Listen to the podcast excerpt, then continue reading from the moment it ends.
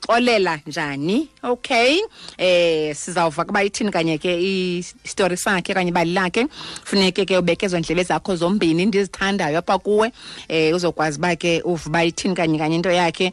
Umcebise wethu uba angathini na ukuze axole eh kule meko akuyo. Khumbuleke kasiyabe sidibana ke ne-expect yethu phaa nge-quarter past 11 um usisinombeko onqweniswa ngakwabhawusha oyi-marriage and um family counselor siva uzawuthini na ke yena ngalo mcimbi right? Masikhangele bubhuti ke siyamfumana.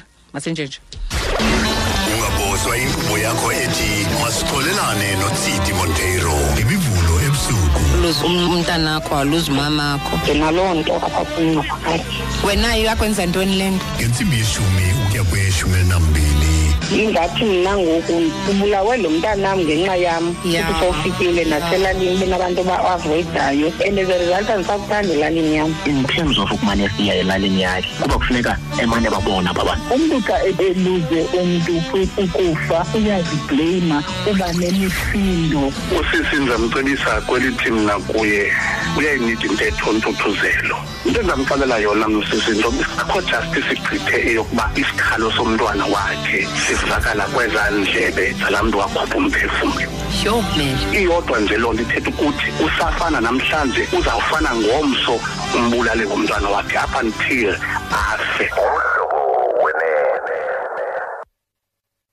Right i-27 imizuzu um phama bethu intsimi ka-11 o'clock umhlobo wenene FM masikhangele ke ubhuti uba namhlanje uyithini kanye kanye into yakhe sokwazi uba ke simcebise. Ukhumbule nawe ungathumela i-email yakho phaa ku-tsidi at sabc co za xa ufuna ke ukuxolela okanye ufuna ukuxolisa kuloo mntu wamenza into erongo. Tsi sabc co za ngoko masive ngapha. Molo sithandwa.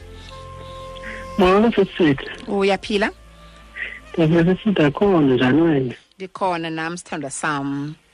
Yes Mm, mm, singakunceda kanjani? Namhlanje apha kumasixolelana yes sisithi ndinengxaki Mm, um ndina-thirty five manditsho mm, and um nditshadile ndinabantwana ababini ke emtshatweni mm.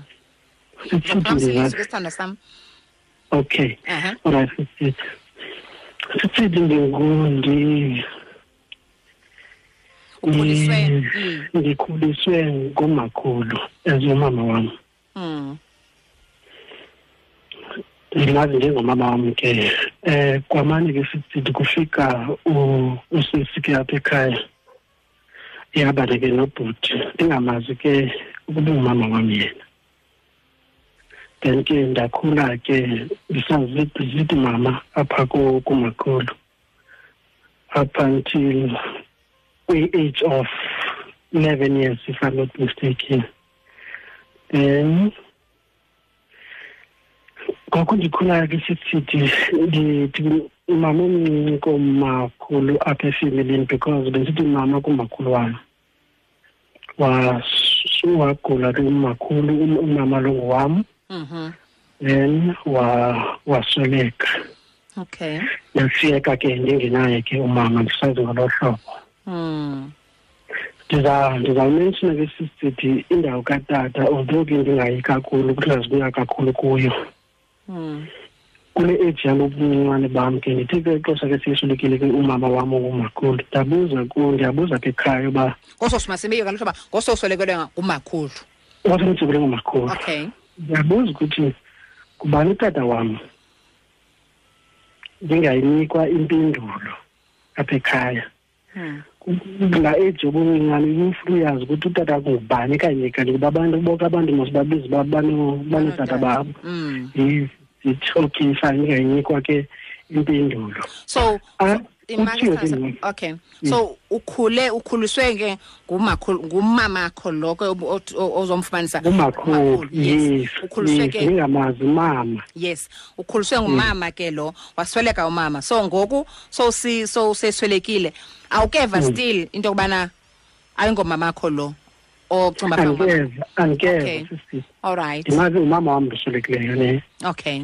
Then ke ngoku ndizawumazi njani? Ndibuze utata.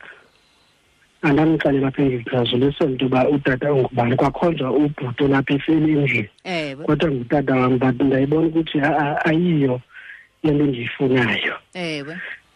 Um ndima ndiyibuza apha endlini utata ngubani mm. Nda lapha sendiphendula kusithi hayi utata utata wakho sizawumbuza uzothi xa kufike ubani? Kubuze igama likamama lo wam. Yes. Yes eh umbuze phaa kuye because nguye nokuxelela oh ndibuza uba uyintoni yena? Kum lo muntu uzawubuza uxelelwa nguye mm. Izawuxelelwa nguye yes mm. Kuthiwa ngumamakho hayi bo Yho. umamam andimazi mosiba ngumamam umama wakho umazi uswelekile nje wena? Mazi iswelekile yes. Okay it's fine. Okay qhubeke ke kuhlaleke. Ndi ndiqonda uba yho xa kuthiwa ngumama wam because basorted kwelaa cala.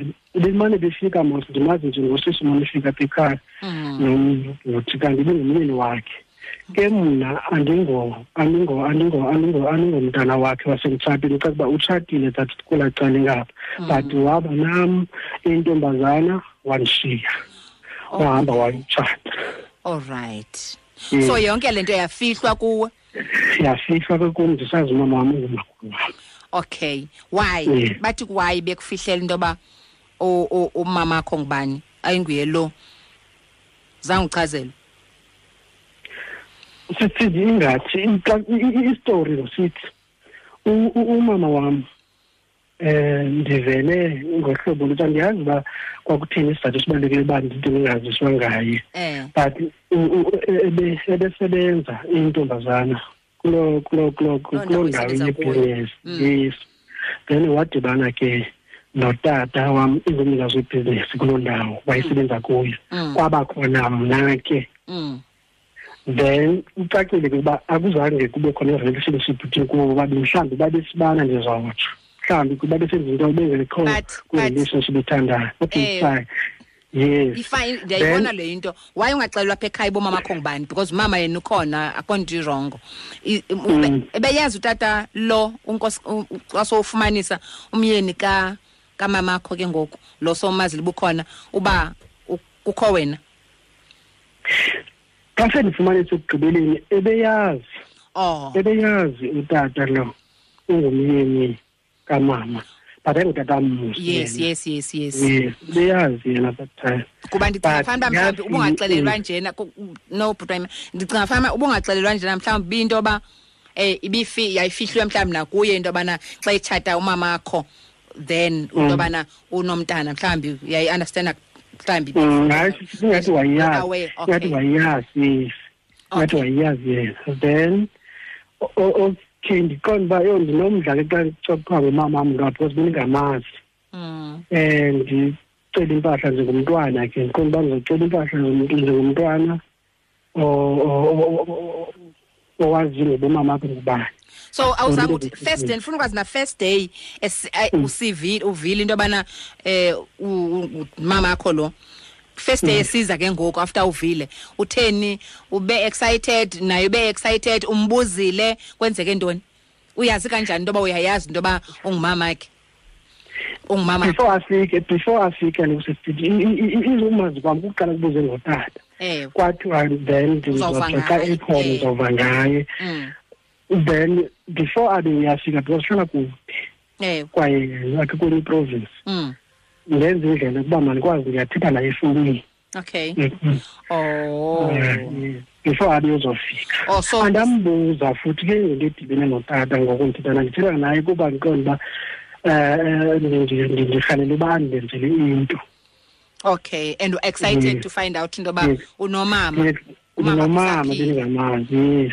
Ndi-excited Mm. then ke sithi angandifaki ke eh, laa nto um endleleni yokuba uzokwazi na undleka ndithembise nje because usemtshatweni ke andazi into mos ndingumntwana Mm. ade abe uyafika um apha ekhaya apha kupha phaa kwidisemba kanje Mm. afike ke afike ke no no no- still afike hamba yedwa uhamba nomyeni wakhe um ahlale ke two to three days ndibone ke mhlawumbi apha ekhaya kuye kwa- uye waxelela kwathiwa lo mntana usixakile apha ufuna ukwazi utata wakhe eh sicela ukuthi umxelele wena now ndifike ke ake kumyeni apha endlini sihleli endlini enkulu kuba ndisekhaya ezilalini masibambe Ah. apho mntwana masibambe apho nje Yeah. ntambi evenkileni ndiyabuya ngoku sizokwazi uba Okay. utheni ke ke wakuchazela Mm. utata kongubani na yes all right right i-16 imizuzu phambi bethi ntsimbi ka-11 o'clock umhlobo wenene FM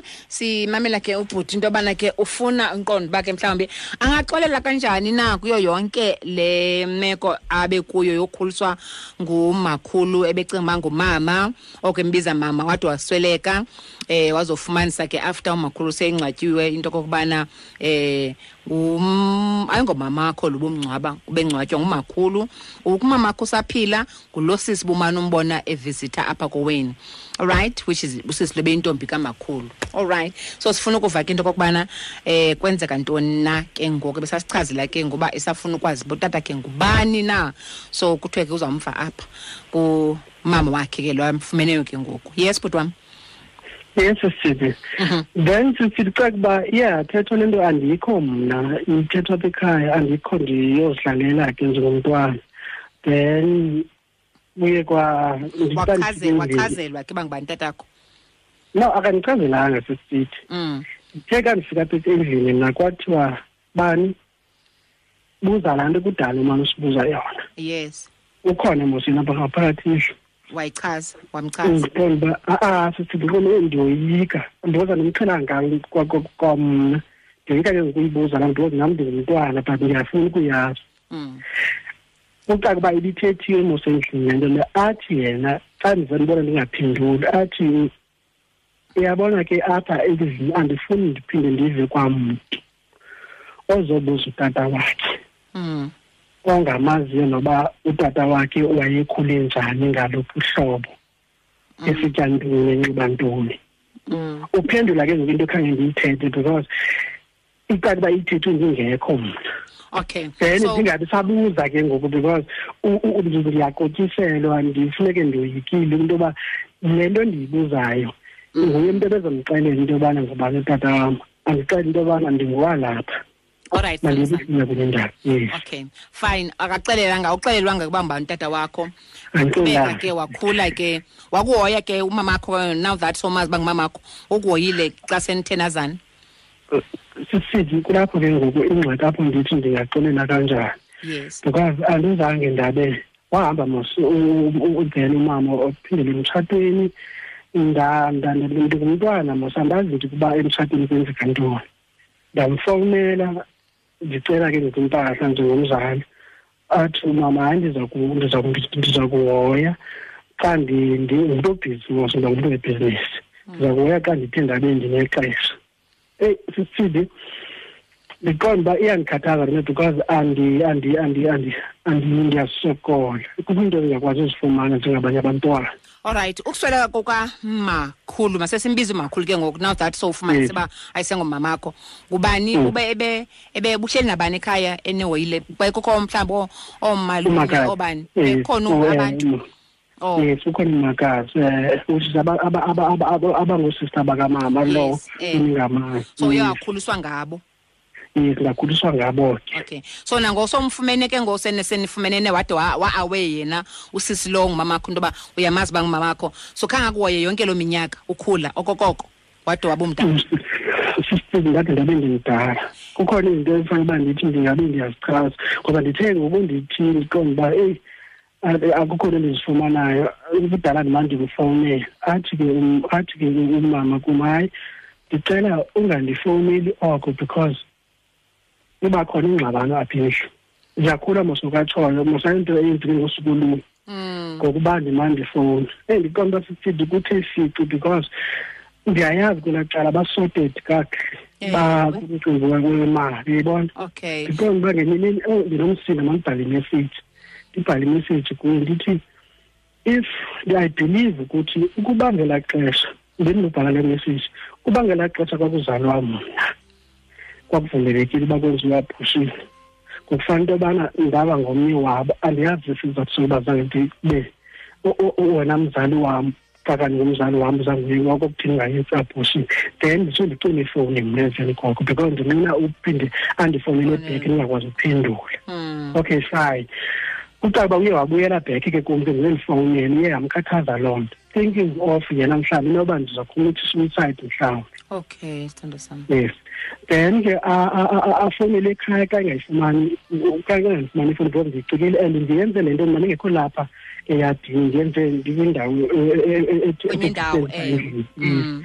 xa ndifike ekhaya sithi ndifike ndifuna kakhulu kuthiwa u- u- u- usuka phi ndithi hane ndisuka odlala. Mm. kuthiwa kudala efowuni ubani apho uyakufuna uthi ndingumama wam ndithi hayi okay hayi ndingiyeli bese kubuza uba yinto liyithethileyo wena phaa kuye? Thina hayi andi- andi- andi- ndimbhalele imessage. Mm. so inoba yiloo message bezoyiphendula abe ke ndinikezwa ifowuni. Athi kum ke ngoku efowunini hayi into zomtshato mntanam ngeke ukwazi ukuzi-understanda ndizawuthi xa ndinexesha ibuhlungu amazwi wathetha kum nyhani ke kumcimbi wasemtshatweni andingawazi ngolixhona ndikatshati mntu sisithi kube nzima ke ukuba athi uzawube ekugqibeleni uzawundenzela into kunjalo ke. Okay. Fast Yes. forward. Um wakhula ke phantsi kwezomeko wade wabe ke uya uya uya uyase- uyasebenza uyatshata una- yes yes and then kufuna Okay, sifike kule ndawo ke ngoyoba kwasweleka umyeni wakhe ne okay Mhm. alright alright isithi okay kuthe ke ngexesha ndikhulayo ke kwacaca into yobana kukhona ungaboni ngasonye ke kuye nomyeni wakhe Mm. yayibona Mm. um eh wade wabeke umyeni wakhe mhlawumbi wabe uyasoneka umyeni wakhe. Okay. Ngelo xesha bangaboni ngasonye kunye. Mm. okay fine. Wasoneka umyeni wakhe. Um kwashiyeka yena umama nabantwana bakhe kwakhe. Mm. ngake sisithi mna ndinguwaphi? Ndingowasekhaya akho nto mosindake ndabe ndibe ndiyayazi andinayo ibhondi kamzali andinayo umzali manditsho onguye endandikhuliswe nguye. Uyayibona ndithethayo sisithi so makancincisana sam zabuyela kuwe ngoku. Okay right nine imizuzu phambi kwabethi intsimbi ka-11 o'clock umhlobo wane ne-fm m. Station of the year. Station of the year.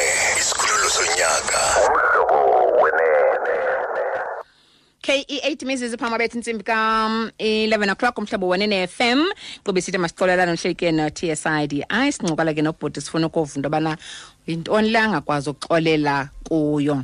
Right masive ke usasichazela into okokubana eh wasweleka ke umyeni kasisi lo eh ongumama wakhe ke umfumanisa into yoba ngumama wakhe ngoku. So kwathini ke bhotwam? Isori sisithi before asweleke umyeni wakhe Eh. kwindawo endiyishiyineyo uye wabe uye walimala umama ne? Elimala ke emsebenzini okay. Wa waendapha ke engekwazi ukuzenza nto ngoku ngokuba ngaboni ngasonye nomyeni ke kungeli Xesha selelimele selelimele kuye Mm. and then nakumcimbi ke ngoku ungendlela abasebenza ngayo usafani nakuqala. Mm. yes wasweleka ke umyeni wakhe emshiya ke ngoku yena engasakwazi Kwazi. ukuzenzela zinto. But unabantwana bakhe ke sisithi yes. abangadibananga mos nam mm. mna ekhaya lam linodwa step step ntontoni. Mm. yes abasemtshatweni yes abasemtshatweni Mm. ngozingoumntana wasekhaya. Then ke sisithi kuye kwakulapho kuqala khona ukutshintsha kwezinto. Oh njani? Yes. Yes. Wandifowunela ke umama. Wandixelela ke ngexesha lokuba kutshintsha izinto. Mm. bengaboni ngasonye before asweleke umyeni. Yeni wade wabe ke uyasweleka ke umyeni ke. Eh then sisithi nosi uxa ungakhuliswanga ngu- ngu- ngumzali that bond that thing yoba ungumzali ayiwubi nayo izintwana mm. ayonto ayonto ayonto iza ngobusuku uvuke unayo. Yeah U- kwangathi ke mna ke ngosithi andikhathali ndingumntu ongakhathaliyo ofuthi ukungakhathali kwam kwenziwa indlela endikhule ngayo.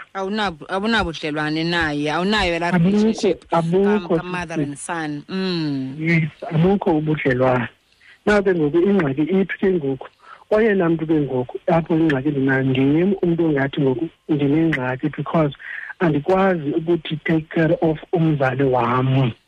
Mm. Ondikhange ndibe mna umzali wam ndiyamazi ekukhuleni kwam oh abe ngumzali kuwe enze izinto ngabazali ebantwaneni babo yes mm. then uh, I, then I fail to understand ke ngoku kubantwana bakhe because abantwana bakhe sisithi akakhange bakhule nam Mm.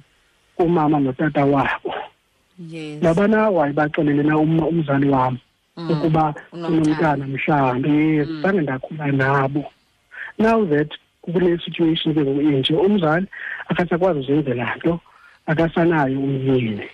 And eh, asenamali. eh, yes akusekho nanto yayikhona ngelaa xesha. Mm. so andizange ndakhula ngolaa hlobo mna babekhula ngalo ndikhule ngolwam hlobo lwam olulodwa. Khule kabuhlungu bona bekhule kam- mhlawumbi kamnandi. Bakhule kamnandi bakhule kamnandi sisithi okay. Then ke ngoku So- ndifumana phi ingxaki ke ngoku? Ndiyifumana ke ngoku kubantwana bakhe. Okay. Uthi ke ke ngoku ke xa ndifowunela hayi bo kwangathi nje sisokola sodwa ukuthi sikhathalele umzali wethu kutheni le nto wena? Singakuboni. Forgething ukuthi mna sisithi ndiyaludinga um ukulungiswa emphefumlweni yes mm. umzali ndazange ndibe naye? Uyayibona yes so eyona nto yokuqala uba umntu ebe ndithi kubo uba benicinga kakuhle ngenisithi njengoba zange ndakhuliswa mna njengani bekufanele uba ndiqale ndilungise ngokwasemphefumlweni ndizazi ukuba ndinayo umzali ukuba bendinganayanga ngohlobo endingananango ngalo because befumana everything bona kuba bekhulela kumama notata mna ndikhule ngohlobo ndikhule ngalo. Yeah. Now that ke ngoku iimeko ke ngoku zam zingcono kuba sendiphangela ndizodwa mm. but iblame ke ngoku sisithi ke ngoku ithi ikulo undim umntwana ongekhoyo. Ndithe ndathi ke sisithi xa ngenini ndiyibona uba le nto i- i- iyandixaka and andiyazi uba ndingayisolva njani. Ndayithetha notata lapha efemelini kum ndathi make ndiyithethe kuyo ndathi na kukhona i- ndiya- ndiyakhonfyuza andizazi uba kufanele uba ndibhilonga kweliphi icala kweliphi icala. Ngoba ngoku umzali lo ozange abe ndimazi uba ungumzali wam plus nabantwana bayandicima ngoku as uba ndingumntana Mm. wabo yeva sisithi Mm. ofuthi ndizazi mna kuyo yonke into endiyenzeleyo apha ekhaya ukusukela emasikweni up until le age ndikuyo ndingowalapha ekhaya Mm. if then ndithi ke ngoku kuye ke ngoku utata mna lo ubendithetha nawo sefemelini ndithi if then ndiyamthatha umzali wam makwenzeke ndithi ndimzisa kum. Akazuba uza kum emntaneni wakhe koba ngathi ndimthatha emzini wakhe ndi- ndimgodusa ndimsa kokwabo because ndikokwabo mna. Mm. asabe nayo ke ngoku isolution kanjani so iproblem yam yosithi ithi andiyazi ukuba ndingaxelela kanjani ngoba andizange ndakhuliswa ngumzali at all. Mm. but ke ngoku ndingoyena mntu ongakhathaliyo mna ngoku. And i fail to understand kwisituation yokuthiwa mna andikhathali ngoba andimazi nosumzali wam mna ozange ndabe ndakhuliswa nguye kwayena so So- ngaba ngaba ngostep sister step ntontoni aba bathi awukhathali wena ayingomamakho tshoyo Ba- ba- ba- umama akakwazi kutsho ngoba uyayazi inyaniso yes. Akakwazi kutsho yena umama azange watsho. And and sithi kubo ukuba umama wenu angandixelela inyani mhlawumbi ke nithethe ngohlobo nithetha ngalo. Abona bantu batshoyo ngabo ii-sisters ezitshoyo yes then yena umzali uthule uthe cwaka ithi ke ngoku ingxaki ndingxaki endinayo ndithi umzali indlela endikhulise ngayo akakwazanga uyilungisa. Now isaqhubeka nangoku akakwazi ukuthi ahlale akangakwazi manditsho ukuthi ngathatha abantwana bakhe aba-understandise ukuthi lo umntana ayingowam ngohlobo oluthile although ingowam biological but andizange ngabe inxenye yobomi bakhe Mm. and naw ke ngoku into endivumelayo mna ndingumntana wakhe sithi ayikho ibond andingawuba ndinesithiba akukho sithiba sikhoyo ndinoba sendithethile naye ivele into yam i- i- i- ndilibale sometime noba bendike ndancokola naye because awufikishi ngathi uthethe laa nto nomama yam wakho ne yes injalo. Mm. okay. So- so ufuna ukwazi uba unga- ungaxolela njani? Yes sithi um- ndingaxelela kanjani ukuzazi ukuthi ndingu- ndi- ndi- ndi- ndingumama wam ndingaxelela kanjani uzazi uba ngumama wam O- o- o- o- okwesibini oosisters obam nabo. Mm. yes ndingaxolela kanjani ukuthi ndibazi uba oosister aba but andiqondi sisithi andiyazi ndawuva kodwa xa ndicecisa ukuthi kulula kangakanani? Ingathi kunzima. Uba I don't think- okay ndiyakuva sithanda sam. I don't think mna um funeka ubaxolele bona because bona nabo ibengabantwana bebengazinto okay? Mhlawumbi ke ungathi mhlawumbi um ngoku kutheni le nto mhlawumbi be- bekuphutha ipressure yokuba why ungakhathaleli umama wabo? Because ke ngoku nabo sebayifumanisa into yobana ubungamazi uba khange ube nabond nomama wakho khange akhathalele umama wakho. I think nabo ba-awe ngaloo nto but awunobabeka iblame ngoba why besithi ngoku hoya um- umama wakho. Fine. And then le l- apho ndiku-understanda khona kulapha kumama wakho ewe umama wakho yena um kunzima ukumxolela but into endifuna ibuza kuwe? Awuna-enga don't you think unayo um i-enga um towards mama wakho? Sithethi nje ngoba engazange like into yoba uthi uzo- u- umakhulu wakho usweleke Sithi nangabi ndiyasola ndiyasola ukuba ndinayo enga kwa- kwa- kwa- kwa- kwa- kwangexesha lokuba ndikwazi ubhala i-sms ethi kuye. Yes. Ukuba ukuba ukuba bekwakuvumelekile ukuthi kwenziwe abortion bekufanele uba Ngelaa wa-abhona xesha lakhe, yes. Yes. i-enga yona sisithi ndinayo ngoba ndi- ndiyayikhalazela okay. Into Ma- yobana umzali wam andishiye uyayibona Ang- sisithi yes anga- okay mhlawumbi masithi kulaa minyaka ubukhuliswa ngumakhulu mhlawumbi ubungazinto then uzothi xa ufumanisa ke ngoku ubunangaphi kanene xa sowufumanisa into yobana umama 11 wakho years, sister. 11 Yes, years yes.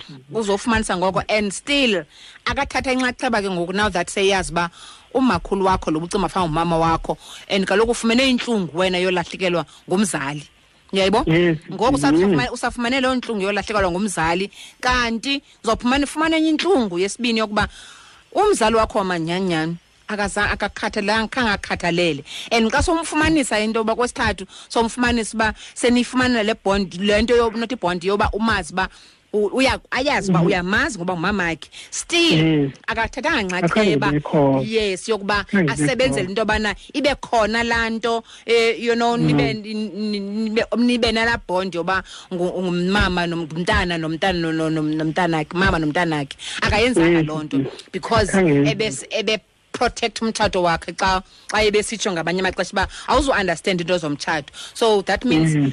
Bekuse-right emtshatweni wakhe mhlawumbi be engafuni umoshekala umtshato akakuhoya Kunjalo. ngoku Kunjalo, ngoku sisi. baya bayaxabana nomyeni after bexabanile umama akho wazofumana le, le, le, le, le meko kuyo yoba ngoku Mm. angakwazi ukwenza nto bahlukane nomyeni ngoku umama akho uyakufuna uyayibona loo nto so Kunjalo. awu-understand ngoku into yobana kanti ithini nale nto uyayibona And- and understand nyhani sithi because ndizazi ndibhilonga kweli cala ndikulo ngoku apho ndi-understand kule meko nyhani ngoku funeke ngoku um ndiqale ndibe ngumntana omtsha ongazange ndabe ngowakulo elaa cala eliya Yes. um ebekhulisela kulo abantwana bakhe uyayibona but sithi ye ndiyayibona stan but Yes, umbuzo and- wam yes. ndi- ndicela uma kancinci umbuzo wam kuwe yinto yoba xa inosweleka umama wakho umama wakho awuzuphinde ube nengxaki yokuba eish mhlawumbi babe ndizilungiselele izinto so that wena nje buze apha ngoku umasixolelane ufuna ukuxola. You understand? Awuzuba nayo loo nto leyo ngokuba kuzawube sekuleyithi ungasakwazi ke ngokuba umxolele umama wakho uzo uphume uzokwazi uqhubeka nobomi bakho because uyasho uba utshatile unabantwana you understand? Mhlawumbi le nto ngenye imini izowubuya ibuyele kunkosikazi wakho kanye mhlawumbi ibuyele ibe eh, you know ingaku-afektha nawe kwirelationship yakho nomfazi wakho nasebantwaneni bakho. Yayibo ufumanisa mhlawumbi nomsindo ufumanisa uba mhlawumbi kwenzeka ntoni kanti ine ine intsusa le nto ebanga uba ubehave ngaloo ndlela. Don't you think mhlawumbi ifuneka umxolele just for, for, for, for your own sake? Sometimes uxolele umntu bhuti wam awenzeli yena wenzela wena. Yes sizakuva so wena awuboni awu- awu- awuboni ukuba ungaze ukwazi ukuxola.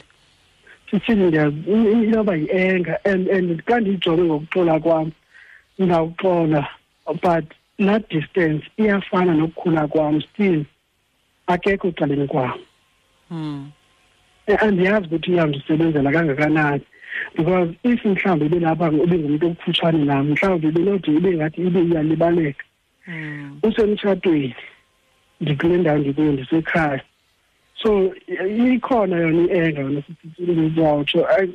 i- ikhona andiyazi i-anger. ndingaxelela kanjani mhlawumbi yayinida ne- ne-counselling yebo?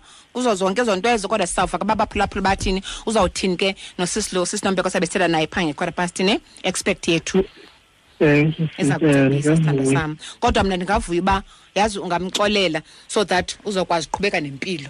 Or mhlawumbi uhlale phantsi naye uyekele ntoba nisithi nikude ndithetha ngefowuni ukhuye kuye because ngoko akasakwazi kwenza nto. Uye phaa uthethe yonke le nto elapha esifubeni sakho yebo? Uba i- ind- indlela endikhule ngayo ndikhule ndisokola um kanti ndinayo umama ndicinga fanuba uma- uma- uma- umakhulu wam ngumamam kanti ukhona. Nangoku sendifumanisa into yoba ke ngoku so uyazi into yoba ndiyayazi into yobana after umakhulu seswelekile ungumamam awund- awuthathi inxaxheba udlale into yoba ube ngumzali kum. Uthethe zonke ezi zinto zonke ezi zinto uyaqonda uzithethe phaa kuye so that uzokhululeka emphefumlweni. Ya understand? Mm. Yeah. hayi sisithi eh, ndiyakuva ndake nda once ndake ndancokola naye zangakwazi uphendula. Nto sometimes awufuna impendulo emntwini uyathetha nje uyayibo izoba uzo- uzo- uzokwazi uxola emphefumlweni bhuti wam sizawufake kodwa baphulaphula bazothini ne? Okay ke ndiyakuthanda kakhulu sithanda sami nkosi kakhulu ngosherisha istori sakho. Kakhulu. All right then. Bye. Okay, all right then. Bye. All right, watsho ke utaris wathi I'm sorry wethu ndiyaxolisa ngokukuvisa kabuhlungu kangaka eh nokukukhalisa. Le ngoma ndiyidlalela kubhutilo siphuma kuye eh besiphathile ke istory sakhe sichazayo apha indlela ekubuhlungu kakhulu kuye esithi akakwazi ukuxolela ufuna ukwazi uba angaxolela kanjani na? Eh ndithi bhuti wam sorry wethu ngova kabuhlungu nangokuba ke uv- ukhale kangaka ngokukhaliswa ke ngumzali wakho. Right? Siza kuba ku-089 1104757 siva uba thine yakho into. Ucebisa uthini ke kubhuti lona? Xa sibuya apha. Yinkosikazi uvela pho hamba ixesha elide kangaka. Ndivela kwamelwane tata. Ndifike beselayeza irejuvena bathi irejuvena iyanceda xa unesifo somhlumo isifo esiyingozi kakhulu kuba singakudalela ii-fibroids iintsumpa ebuntwini bakho ukuqhinwa iipiles kanye nokurhawuzelelwa kwiindawo zakho zangasese. Esi sifo ke singayehlisa nenkonzo yasekamelweni de siphazamise nenzalo ke. Tyhini nkosikazi zezi zifo sinazo nje ezo. Ingasinceda kuba yenziwe ngamachiza emvelo anceda ukulwa nesi sifo somhlumo yeyi masiyothenga yethu irujuvena njengangoku. Ukwazi banzi 071 539 5853 nali iyeza. Udumza kamnandi umhlobo wenene FM etsomo kwanguhle emhlahlane emasimini nasemdini u93.4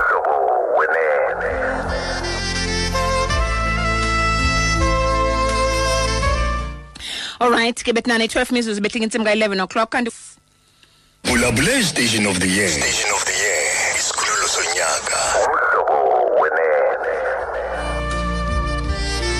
13 imizuzu behleka intsimbi ka-11 o'clock umhlobo wone ne-fm masive uba wena ucebisa uthini na kubhuti lona obesichazela ke bethinana ingxaki anayo. Molo mhlobo.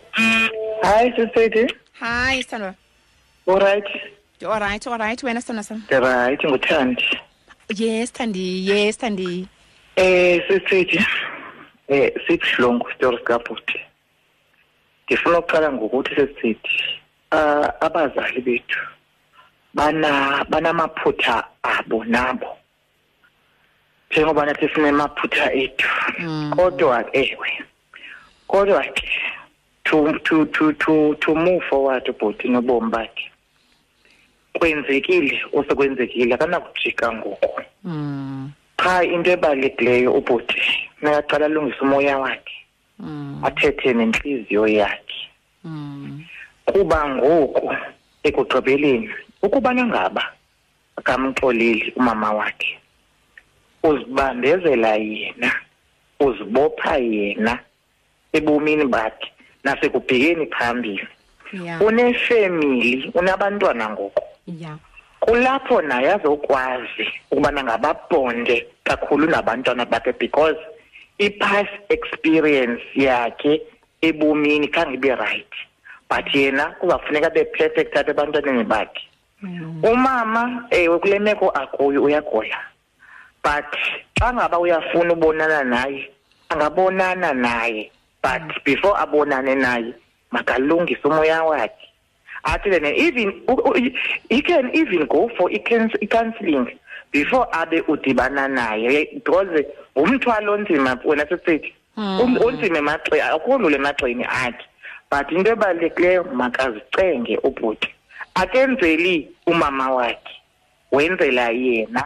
Umama wakhe yena uzawushiyeka enomvandedwa wakhe. Uyaca uyacinga uba phaya kuyo unawo umvandedwa. Yeah. but yena. Ubhuti ngoku ulungiselela yena akasalungiseleli nomama wakhe. Yes ulungiselela yena yes. Sam. into ebaluleke nje ubhuti makacele kuthixo amnike ukomelela akwazi ukujongana nale meko. Ingxaki ke isixesha eli asinalo. Eh Hmm. asazi xa sithi mama wakhe akasekho kumeko right ngokuba uzawuqala mhlawumbi ah, nje busithi wena makaye counseling kuqala yebo? Mm, and then a- aye m- athi mhlawumbi sithi phala phala mhlawumbi umama akasekho. Uyayibona loo nto? Jonga sisithi akunakucinga akaziba akazi but lixesha eli into endiyicingayo. Ndiyayiqonda. Mm. U- ubhuti a- akomelelanga ngoku U- ugezezela amadolo. Okay. That is why ndisithi Makaqale angazicenga makazicenge ubhuti makazicenge. A- a- a- ngamanye amaxesha ezinye izinto azidingi nomntu wefemili yabona ifamily member. kufuneka nomntu nje oneutral yabona nditsho kanti angacela nomntu amkhaphe qonda qomba yena Oh, akanokwazi okay. yena yedwa ukumelana nale nto. And ke ngoku if utshatile ubhuti amana bebethe utshatile na? Eh utshatile uba- abantwana. Mm. Ewe. U- u- i think ngoku? Unkosikazi wakhe kufanele ubana ngaba naye amnike isapoti kangangoko because eyona ngokuphila of strength yakhe yinkosikazi yakhe nabantwana bakhe. Okay thandi yes. Uzukundithumelela i-email phaa ku-tsid it sabitosorezeleye okay ngokugqiba kwethu. Okay. All right sharp. Masikhangele molo mhlobo. Mathidileke kunjani? sikhona njani isithando Ikhona isithando samakhondo. mm Xole Belima apha eBhayiko zakhele. masiye Eh sithi di sithi usisi ohamba ubuyigqiba. Okokuqala ubhuti makaqale funeka aqala azixolele yena kuqala. mm Yabona ukuthi waqala wazixolela yena then uzawukwazi umxolela umama wakhe. mhm Ngoba kubuse uthe oodade makabayeke bona bangena indawo bebengazi into. eh makaqala azixolele yena self azixolele ayazi uba okay no ndikhuliswe ngumakhulu umama ekulaa ngxaki bendawo ekuyo. And ke bengenawukwazi ke shem naye ke uhamba naye abe bemfumene ngaphandle emtshatweni ngoba kuthiwa umntana ozalelwe ekhaya ngowasekhaya ayingowasemtshatweni. No mna ndiqonda Yebo. ukufuna loo nto. Ebefuna nje umama ke amoye noba uhleli you know ko- phaa Yeah. kumakhulu. Yeah understand? Amazi Yes. uba ngumama akhe and xa sebesazana ke ngosebesane late babe nala bond amoye. Uyayibona i don't think Yeah, befuna and- uhlala naye emtshatweni okay mm. okay okay no but ke ya makazame man sisithi man sento angazama uya uthe- uthetha naye Mm. face to face angathethe efowunini njengento wayeyenza Yes. kuqala uthi qala mozayicela wamfowunela Mm. ngase yena aye bahlale ngase ba- xa be- xa ethetha naye babe bobabili qha yes mm. kungabikho mntu wesithathu uyaqonda Ewe, okokuqala then ke if akonelisekanga then kuzame ke ke ngokuba kubekho omnye umntu ke ngozawuzama futhi amnike amacebo futhi xa behleli bethetha bobabili enkosi nkosi kakhulu sithanda sam mola mhlaba molweni ekhaya Hello Matsidiso. hi Eh ngusithembile wena. yes sithembe Eh sithi into efunekayo kubhuti nomama nabantwana bakamama mm. ukuba kuqala bazithobe. Ubhuti azithobe kumeke bekuyo kwizifungo ebenazo nenzondo ebenayo. Mm. Umama azithobe kwinjongo ebeyenza uba ashiye umntana amsigcinise kumakhulu ahambe ayokwenda athi emveni koba engaphilanga amazi umntana akuba ngumntana Mm. ne Mm. so funeka abo bantu bazithobe bonke then ubhuti a-organize i-meeting yabo nomama wabo nomuntu omdala efemelini abantu abadala efemelini ubhuti akhuphe into engaphakathi kuye. Mm. umama akhuphe into engaphakathi kuye ebangela uba kwakutheni umntana akhe angamhoyi uyeva sithi? Then phambi kwabantwana bakhe bonke umama ukuze abantwana basive isitori sikamama uba kwakutheni izinto ingamhoyi umntana wam mm. imshiye kumakhulu mna ndilekwe emzini ukwenzela uba ubhuti emveni koba bekhuphelene ezombilini banazo Yes. azothi umama mntanam ndicela uxolo ndenza into engakwakufanele uba andiyenzi Ayenzanga. bantwana bam ndenze into erongo ngokuthi kubhuti wenu ndingamhoyi ndihoye nina ndimshiye yena kumakhulu uyeva Okay. azokwazi ke ngokubhuti ukuxola yena esiva uxolo lusuka kumama wakhe if unganguye ozawuxolela umama wakhe abe umama wakhe engaka engekamxoleli yena engakhange abe namagama wakhuphayo uba kwakutheni kwakutheni akasoze axole ubhuti Enkosi. because izawumane ivela la kufuneka bakhuphelane embilini bonke nabantwana aba azalwa nabo ubhuti nabo bathi hayi bhuti Yes. sicela ixolo ngoba kha siyicinga bihamba ngolu hlobo nolu hlobo ngoba mhlawumbi nabo zi- ikhona into encinci umama Abangayaziyo. abafihlela yona. Yes yabona enkosi sithanda nkosi ke Mercedes nkosi. Inkosi kakhulu. Sure mona mhlobo alright mona mhlobo hayi sisithili hi sisithili ubhuti makazixolise inhliziyo. And akhatshwe uba ngumalume aye phaa kumama wakhe. Athethe mama andisayilandi andisayithini njengoba ugula ndiyaxolela qha. Yeah and ke ngoku sisithili abuze notata utata kanti ngubani? Njengoba wayembuza nakuqala engekamazi Ukwenzela- ngoku mm. Eh sisithi ukwenzela uba notata ngenixesha ngamnceda kwezinye izinto. Alright sithanda sam Eh sisithi inkosi. inkosi kakhulu mona mhlobo Hello sisithi. ha iradio Ucela ucime i-wireless. Kangibambele kancinci.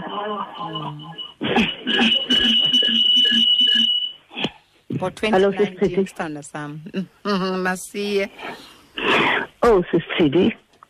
Ibhlungu lembali ibaliswa ngubhuti. yes Ndivakalelwa ngaphakathi enhliziyweni. Mm. Hello, Stand. Hello. Hello. Hi. Yo, hayi shem. Noba ke uqhawukile. Sithona sam? Masambe sevingleni xa sibuya sikhangela ukugqibela siye kusisi uNombeko. Molo. Unjani mfethu? Ndikhona sithona sam. Thena nabani? Uthetha nomamtsha we-Cape Town sisithi. Yes, mamtshawe Cape Town. Mm, ndimabe inkqubo yakho mntaze.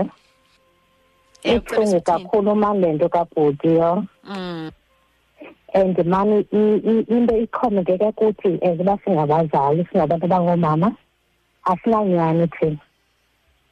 Oh. Asina- asinanyani kakhulu sisithi. If laa mfazi wayethe elaa xesha wayedibana nalaa bhuti wayetshata naye amchazele everything ngalaa mntana. Yena ubhuti uthi wamfihla ngathi wazi watsho nje usisi uba unayo umntana. Yeyiphi enye into befama ichazela wachazela ubhuti. Wachazela umyeni wakhe. Wachazela umyeni wakhe. So yintoni ebazibana makangamoyi umfana umyeni emazi lobana unomntana wokowabo mhm. Asinanyani mani sisithi thina singabantu abangoomama and ethi mani ndiyamcela mani ubhuti mani makaye kumamakhe ayothetha nomamakhe akhululeke ubhuti Ah. nomamakhe akhululeke. Ekugqibeleni ubhuti kukho oosista bakhe bakumama wakhe. Mm. abamaziyo ubhuti bangubhuti wabo lowa. Uyayibona laa nto leyo? But i don't Ngoku think u- kuzaba right uba sibabo oomama bonke sibafake ngebabo ngebhanti elinyelo lutshoyo uba asinanyani singaboomama ithi abanye. A-a. Mm. asinanyani sisithi mntazeka andiphazame xa sisithi oomama abananyani. Asinanyani thina asithi nyani abanye bantwaneni oomama awufuni utsho njalo tu O- okay ke sisithi okay. Ke mntasekhaya xa usitsho ke ne? Okay, mani Mr. ubhuti mani makayi mani mama kayothetha naye. Please mani bhutiza mani Okay. apho kuloo ndawo ukuyo iya umamtsha uyacenga esecape town. Shapho Ofika ke kwelinye icele. mamtshawo right wokugqibela sikhangela sesinombe yakho. Hallo stando yebo sidi utenoveli ekarhiza yebo zwele karhisa eh sisi mina ubhuti ukuze kuphele imbambano. Kuzofuneka abuyele phaa kumama engasaye phaya ehamba nodade bawo noma ngumalume. Babe khona udade wabo abayabo phaya bahle nomamabo inze banabo benele akhuphe yonke into lapha ngaphakathi ahlambuluke. Mm. Nom- nomama naye avule umlomo ezaxole lobhuti bayingathi nomama naye ngoku ayagugutheka abaphumela ubala okay. Axolise abakubhuti nje banobhuti ngoyotsho and nobenele nodade wabo abayipheli imbambano inkosi sithando sam. Nkosi ndiyabulela inkosi kakhulu. 26 imizuzu eh phama bet- yo- ibetha intsimbi ka-11 o'clock masikhangele ke usisinombeko onqweniswa kwabhawushab uzawusinika ke ingcebiso ezithini na?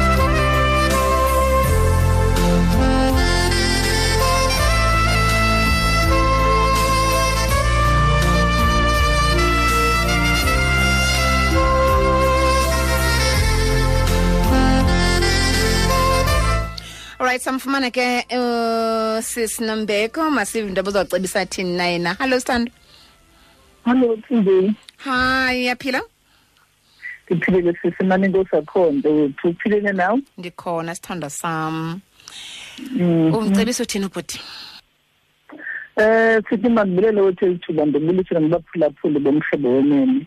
Um sithi kokuqala asikwazi uyibalekela into yokuba ngaba bekutheni ne zizinto ke ngoku u- u- u- ubhuti ekuzawufuneke ezifumene ezo uyaqonda ewe sizambheka umama kodwa kuqala ke sifune si- sikhangele kuqala i- isiba sekutheni sekunjena nje uyaqonda Yeah. mhlawumbi umama watshata emncinci okokuqala. I mean sorry waba nalo mfana Esemncinci. eseya esemncinci uyaqonda and siyayazi ke into yasemakhaya that xa ndize nomntana ndisekhaya nomntana wasekhaya. Uyaqonda ayingomntana wam but ke ngoku ithi loo nto leyo ubhubha kamakhulu. Okokuqala umntu o- o- onetyala apha ayingomama yedwa kuqala umakhulu naye ube netyala nefemeli yonke ekubeni bangamxeleli u- ubhuti lo uba ngaba ngumakhulu lo umama uphaa umama unje bemane siza nje ungumama wakho uyaqonda and then xa sebhubhile dide bebhubhile umakhulu ebuza ngutata wom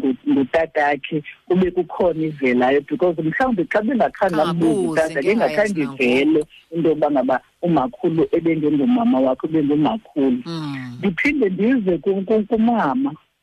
Umama naye ngohlobo enze ngalo umvise kabuhlungu unyana wakhe. Because kaloku ngexesha esirayithi phaya it's fine into yoba ngaba xa etshatile nomnye utata. Xa esiza umntana okanye umntana xa efuna uthando lwakamama ibelidinga uthando lukamama wakhe but khange akwazi ulifumana. Ngoba kaloku umntwana kukho ezaa stages zobuntwana zoba xa ndiqalile esikolweni umamam ngalo lonke ixesha ukhona xa ndiqalisa ukukwenza into ethile xa ndifika kwistage sofikisa Yes. umamam xa ndifuna uncokola nomama okanye ndisiva kabuhlungu umntu endinowushera naye uya-understand and then ke ngoku u- u- u- u- u- u- umama ukhona uthi makhulu ubhubhile but umama at the same time akakho. Ya and kaloku singalibali into yoba ngabayi ngomama yedwa ngumama notata lo angekamazi nangoku. ndicinga into yoba ngaba le enga anayo akanayongo only towards umama yedwa. Une-anger towards umakhulu une-anger towards utata lo naye angamaziyo angekho ngakhange abe khona ebomini bakhe. Because kaloku sithetha ngumntu ngoku ongutata ebantwaneni bakhe. Uzawuba ngutata kanjani ebantwaneni bakhe engayazi into ubutata ulindeleke bemakenze ntoni? uzawuba ngumyeni njani engayazi into yoba ngaba umyeni ulindeleke uba makathini makaphathe makayiphathe njani inkosikazi. yakhe. Uyaqonda because le ntlungu yenziwe ngumntu ongumama kuye. Which is inakuba nechaphaza kwirelationship yakhe nenkosikazi yakhe. Uyaqonda iphinde ibe nechaphaza ngendlela yoba ngaba abe overprotective ebantwaneni bakhe. Uyaqonda abantwana bakhe angabanika ispace soba ba- babe ngabantwana bazakwenza impazamo because kaloku yena khange aprotectwe as a child ngexesha ebengumntana hmm, uyaqonda hmm. iphinde ke ngoku phidi for ukuxola ke ngoku. Ndiyabaza abaphulaphuli bayicha ngoku ngobunjalo bayo that yena kuqala. Mm. But uxolo ayiyonto ozawuswitsha on and off uvele kuthiwe hayi yinya you need to deal with the pain. You need to deal with the past ukuthi sele ndizawuxola nje ndive kabuhlungu. Ndifuneke kufike ispace apho sizawucreathwa khona yi-professional ngoba kaloku abanye bathi makaye nemember yefemeli kuzobakho ii-emotions involved uyaqonda yes. abangazuyazi ukuthi mabazihembise Senziswe njani na.